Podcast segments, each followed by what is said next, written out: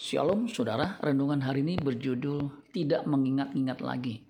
Mazmur 103 ayat 10 sampai 13. Tidak dilakukannya kepada kita setimpal dengan dosa kita. Dan tidak dibalasnya kepada kita setimpal dengan kesalahan kita. Tetapi setinggi langit di atas bumi, demikian besarnya kasih setianya atas orang-orang yang takut akan dia. Sejauh timur dari barat demikian dijauhkannya daripada kita pelanggaran kita. Seperti Bapa sayang kepada anak-anaknya, demikian Tuhan sayang kepada orang-orang yang takut akan Dia.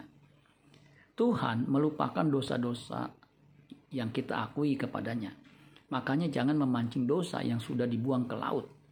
Yesaya 43 ayat 25. Aku, akulah dia yang menghapus dosa pemberontakanmu oleh karena aku sendiri dan aku tidak mengingat-ingat dosamu.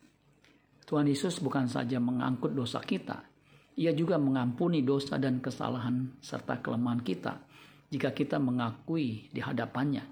1 Yohanes 1 ayat 9. Jika kita mengaku dosa kita, maka ia adalah setia dan adil sehingga ia akan mengampuni segala dosa kita dan menyucikan kita dari segala kejahatan. Pengampunannya tiada batas. Ia akan terus-menerus mengampuni kesalahan kita yang menariknya adalah setelah ia mengampuni dosa dan kesalahan kita, ia tidak mengingat-ingatnya lagi.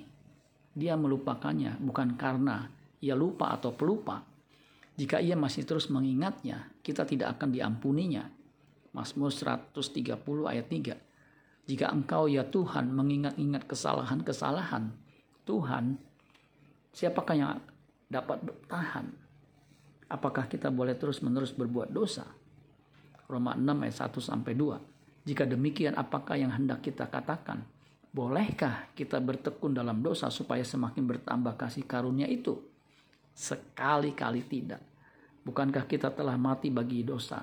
Bagaimanakah kita masih dapat hidup di dalamnya? Amin buat firman Tuhan. Tuhan Yesus memberkati. Sola Gracia.